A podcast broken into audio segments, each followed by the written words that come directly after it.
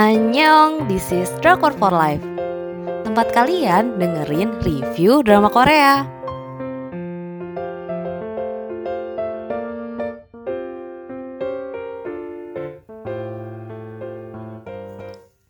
Review drama Korea Snowdrop. Nonton drama ini tuh ngelihat tatapan mata lembutnya Jung Hae In tuh pengen bikin ganti genre gak sih? sebel banget sama endingnya. Dengan stasiun penyiaran GTBC tanggal penayangan 18 Desember 2021 sampai dengan 30 Januari 2022 jumlah episodenya 16 episode dengan masing-masing episode eh, 90 menitan. Ratingnya 4 dari 5 sih. Oke okay lah aku masih bisa nonton ini lagi dan berbombay-bombay lagi Sinopsisnya, Lim Suho dan Eun Yongro pertama kali bertemu dalam kencan buta berkelompok. Mereka tampak tertarik satu sama lain, tapi yang ada Yongro hanya menanti Suho, sedangkan yang ditunggu entah kena, ke mana. Selang waktu berlalu, Suho ditemukan Yongro berdarah-darah dalam kamarnya, sedangkan asrama sedang digerebek oleh ANSP untuk mencari mata-mata Korea Utara. Yongro dan teman kamarnya memutuskan untuk menyembunyikannya karena berpikir bahwa Suho adalah bagian dari mahasiswa demonstran yang dituduh sebagai mata-mata. Sayangnya keadaan seperti itu tadi membuat kacau karena tidak berjalan seperti rencana. Suho dan kedua temannya justru menjadikan penghuni asrama sebagai sandra dan mengancam pemerintah Korea Selatan. Hmm, menurutku drama ini berhasil mengangkat alur cerita yang gak biasa ya. Sayangnya karena skandal jadi rating drama ini biasa aja padahal ya bayangin aja kira-kira 70% scenes yang ditampilkan itu cuma di asrama Universitas Hosu tapi entah kenapa nggak ada bosennya ini candu banget sih tiap episodenya ada aja konfliknya tegangnya apalagi aku yakin si penulis pasti mikir kenceng sih buat menghasilkan cerita segerget ini untuk konfliknya adalah karena kepentingan politik.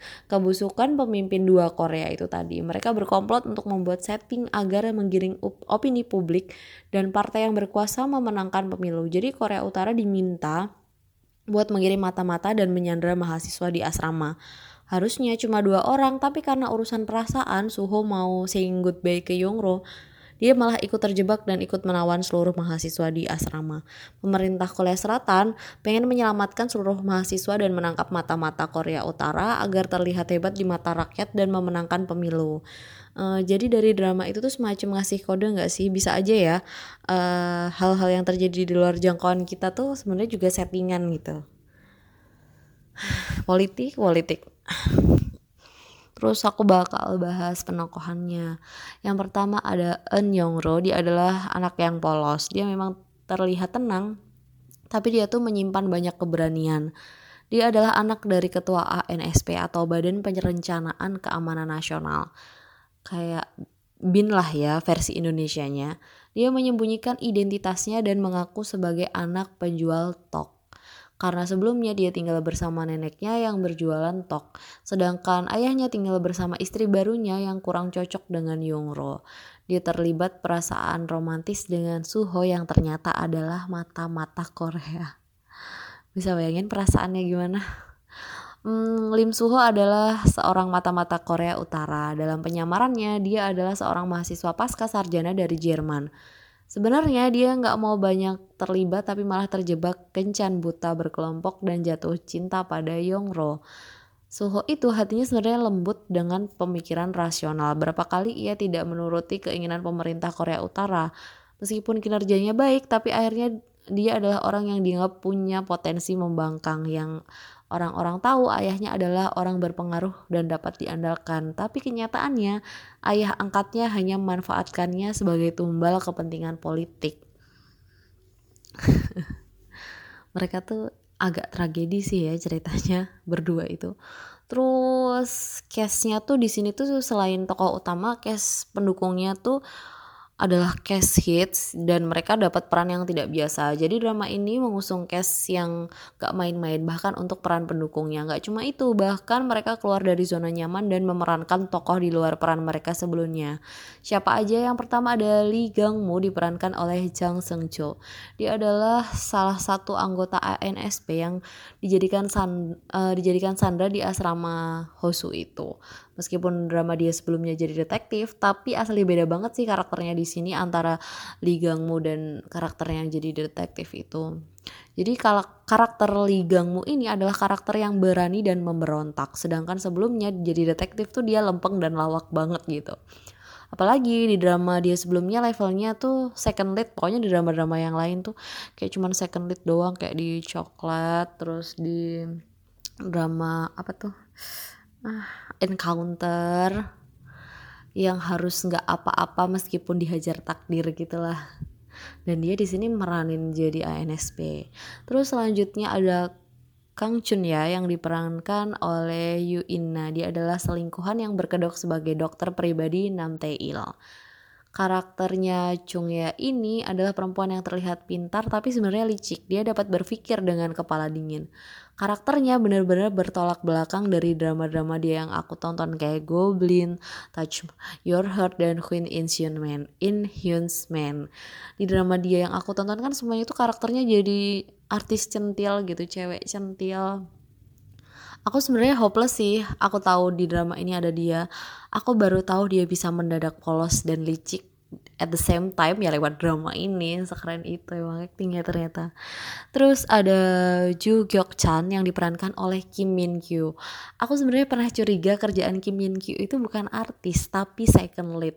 Terus ya apa ya kayak di drama yang aku tonton kayak Backstreet Rookie Because This Is My First Life So I Married an Anti Fan apalagi ya. Emang senyum dan lesung pipinya tuh maut banget sih senyumnya tuh tipe senyuman yang kalau disakiti juga bakal tetap senyum. Sedangkan karakternya di sini sebagai Gyok Chan adalah seorang yang nggak bisa slow, ngegas mulu, marah-marah terus. Tapi sebenarnya dia punya sisi hangat yang nggak bisa ditunjukkan. Jujur li, uh, aku nggak ngira Kim Min Kyo bisa punya tatapan mata sebengis itu karena selama ini bisa selembut itu. Terus yang terakhir ada Gi Bun Ok diperankan oleh Kim Hye Yoon. Kim Hye Yoon ini dikenal publik lewat drama Extraordinary You, terus dia jadi cameo di beberapa drama setelahnya. Dan yang terakhir adalah Secret Royal Inspector Enjoy. Karakter yang diperankan selalu jadi cewek ceria, lucu, gemesin. Sedangkan karakternya di drama ini sebagai Bun, maafin aku ya belibet Sedangkan karakter dia di drama ini sebagai Gie Bun Ok uh, justru kebalikannya. Dia adalah wanita yang licik, berpikiran sempit, suka mencuri. Karakter dia ini benar-benar public enemy banget lah. Pokoknya aku sedih sekaligus kasihan sama karakter Bun Ok ini. Aku bakal bahas polemik Snowdrop sekarang. Jadi sejak awal kemunculan drama ini tuh ribut banget muncul petisi yang udah ditandatangani sampai sekitar 200 ribu orang. Terus terus petisinya tuh naik ke Blue House, penarikan sponsor, tanggal tayang mundur, dikatain distorsi sejarah. Ada yang inget lagi nggak kasusnya tuh ngapain aja? Duh pokoknya kasihan deh Uh, jadi emang ya sebagai pihak netral yang nggak tahu apa-apa sejarah Korea, aku cuma bisa pakai asas mungkin ya, mungkin ini, mungkin itu gitu-gitu aja loh. Karena kita nggak beneran tahu apa yang terjadi di sana pada saat itu. Jadi aku rangkum beberapa pemicunya ya. Yang pertama adalah adanya adegan mata-mata yang terlibat hubungan romantis itu memicu kemarahan warga Korea. Yang terjadi sebenarnya adalah saat itu mahasiswa melakukan demonstrasi besar-besaran. Pemerintah yang tidak bisa membendung dan menghentikan justru malah menuduh para demonstran itu penyusup dari Korea Utara dan ingin menghancurkan negara. Adanya sosok Lim Suho itu seperti membenarkan tuduhan pemerintah. Hal ini yang akhirnya menodai perjuangan mahasiswa yang bertaruh nyawa untuk demokrat demokratisasi Korea gitu loh. Terus yang kedua keterlibatan ANSP yang digambarkan terlalu lembut. Di drama ini ANSP emang dibuat mencoreng nama baik badan pemerintahan. Pemerintahan emang digambarkan dengan tidak baik, memanipulasi berita, membuat settingan pemilu. Tapi e, kenyataannya tuh jauh lebih parah daripada itu. ANSP pada masanya jauh lebih bengis. Bahkan orang ditangkap, disiksa agar dapat pengakuan. Mereka diinterogasi sebagai saksi tapi diperlakukan sebagai tersangka ya beberapa bahkan katanya mereka pulang tinggal nama atau pas pulang mereka dalam keadaan cacat masalahnya nih mereka yang terlibat di tahun 80 itu ada yang masih hidup. Jadi ngelihat drama itu ini tuh seperti menghina perjuangan mereka gitu. Mereka um, marah gitu. Bahkan sampai masyarakat Korea sudah kehilangan kepercayaan pada Angibu atau ANSP ini. Selanjutnya mereka sampai rebranding dan ganti nama. Apalagi Jang Seungjo adalah salah satu bagian dari ANSP yang punya look ganteng. Terlalu terlalu baik gitu mukanya kata warga Korea. Padahal Angibu pada masanya tuh jahat dan serem. Harusnya mungkin punya look yang lebih gahar. Meskipun Demikian, tim produksi menekankan berkali-kali bahwa cerita yang diangkat adalah cerita fiktif. Tapi seorang sejarawan Korea berkata bahwa dengan berlatar peristiwa sejarah tertentu tidak bisa dikatakan sebagai kisah fiktif, apalagi drama ini juga ditayangkan di Disney Plus. Yang berarti orang luar negeri bisa nonton, terus yang ditakutkan adalah cerita ini adalah bagian dari sejarah Korea karena setting waktu dan latar peristiwanya yang dipakai untuk love story yang dihadirkan drama ini menurut aku lebih ke arah tragedi ya eh, nggak uh, ada akhir yang bahagia untuk Suho dan Yongro. Mereka terjebak dan berkali-kali ditampar kenyataan kalau ya mereka nggak mungkin bersatu. Tapi ya itu emang eh, yang coba disampaikan penulisnya sih. Penulis emang pengen menciptakan cinta yang bertahan dalam situasi yang tidak memungkinkan. Sedih banget nyesek sumpah. part paling bikin aku nangis sebenarnya bukan ketika Suho ninggalin Yongro untuk selama-lamanya, tapi justru di adegan Yongro uh, ngebuang kalung pemberiannya Suho. Itu sedih banget sih, kayak aku udah nggak mau sama kamu gitu dibuang tuh. Terus part Yongro ngedengerin rekaman Suho. Seriously, bener-bener nyeseknya tuh uh, berasa banget sampai beberapa hari setelah nonton tuh masih galau. Tapi ya yang paling nyesek tuh hmm, tiap ada romance scenes yang akhirnya yang akhirnya tatapan mata Chong Hae In ini melembut tuh aduh gila sih keder banget rasanya pengen ganti genre aja. Bisa nggak sih? Snowdrop jadi romcom aja.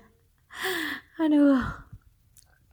Dalam uh, dalam drama ini tuh sebenarnya kita udah dihadapkan dengan kenyataan bahwa Suho dan Yungro tidak tidak bisa bersama. Emang a tragical love story sih kataku drama ini. Penulis naskah berhasil membawa perasaan kehilangan banget. Habis nonton jangan ditanya ya berapa hari bapernya. Apalagi setting drama ini kan tahun 80-annya kuat banget. Belum lagi original soundtrack yang rasanya pilu banget. Emang ini tuh kisah mereka tapi rasanya kehilangannya itu bisa senyata itu. Aku ikut kehilangan.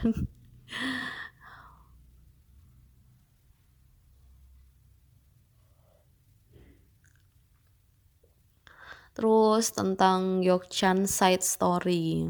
Jadi hmm, meskipun Jo Yokchan ini anak ngegas itu jahat banget tapi sebenarnya dia punya sisi kemanusiawian juga.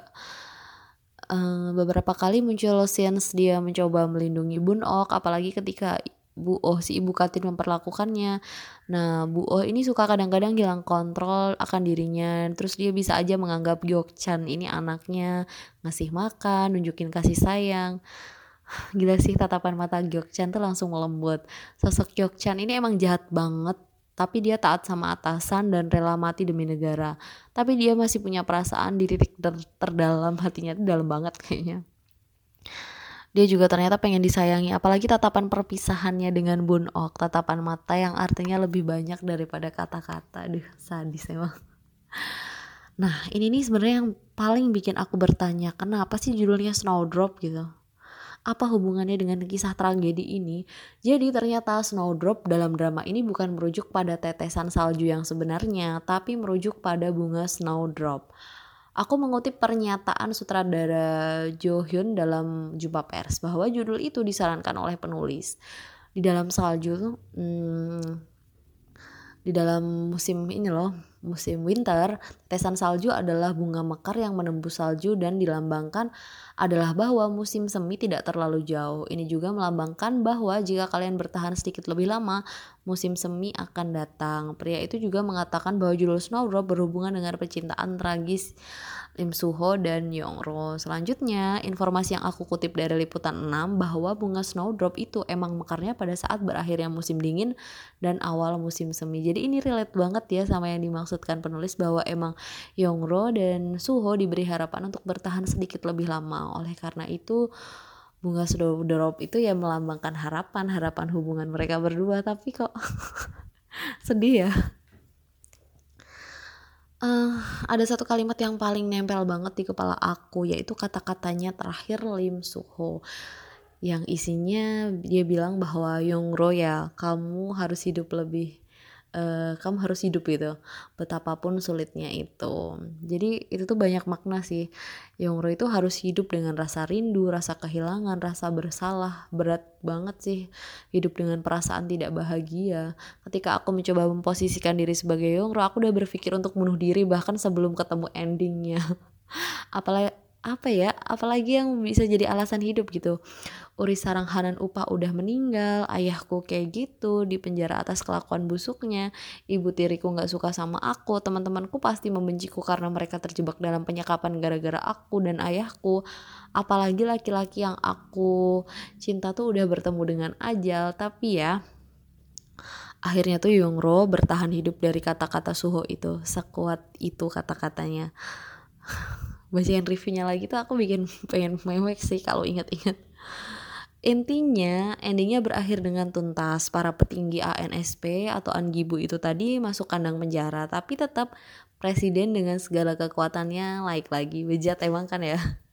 Meskipun drama ini penuh kontroversi, tapi drama ini something new banget buat ditonton.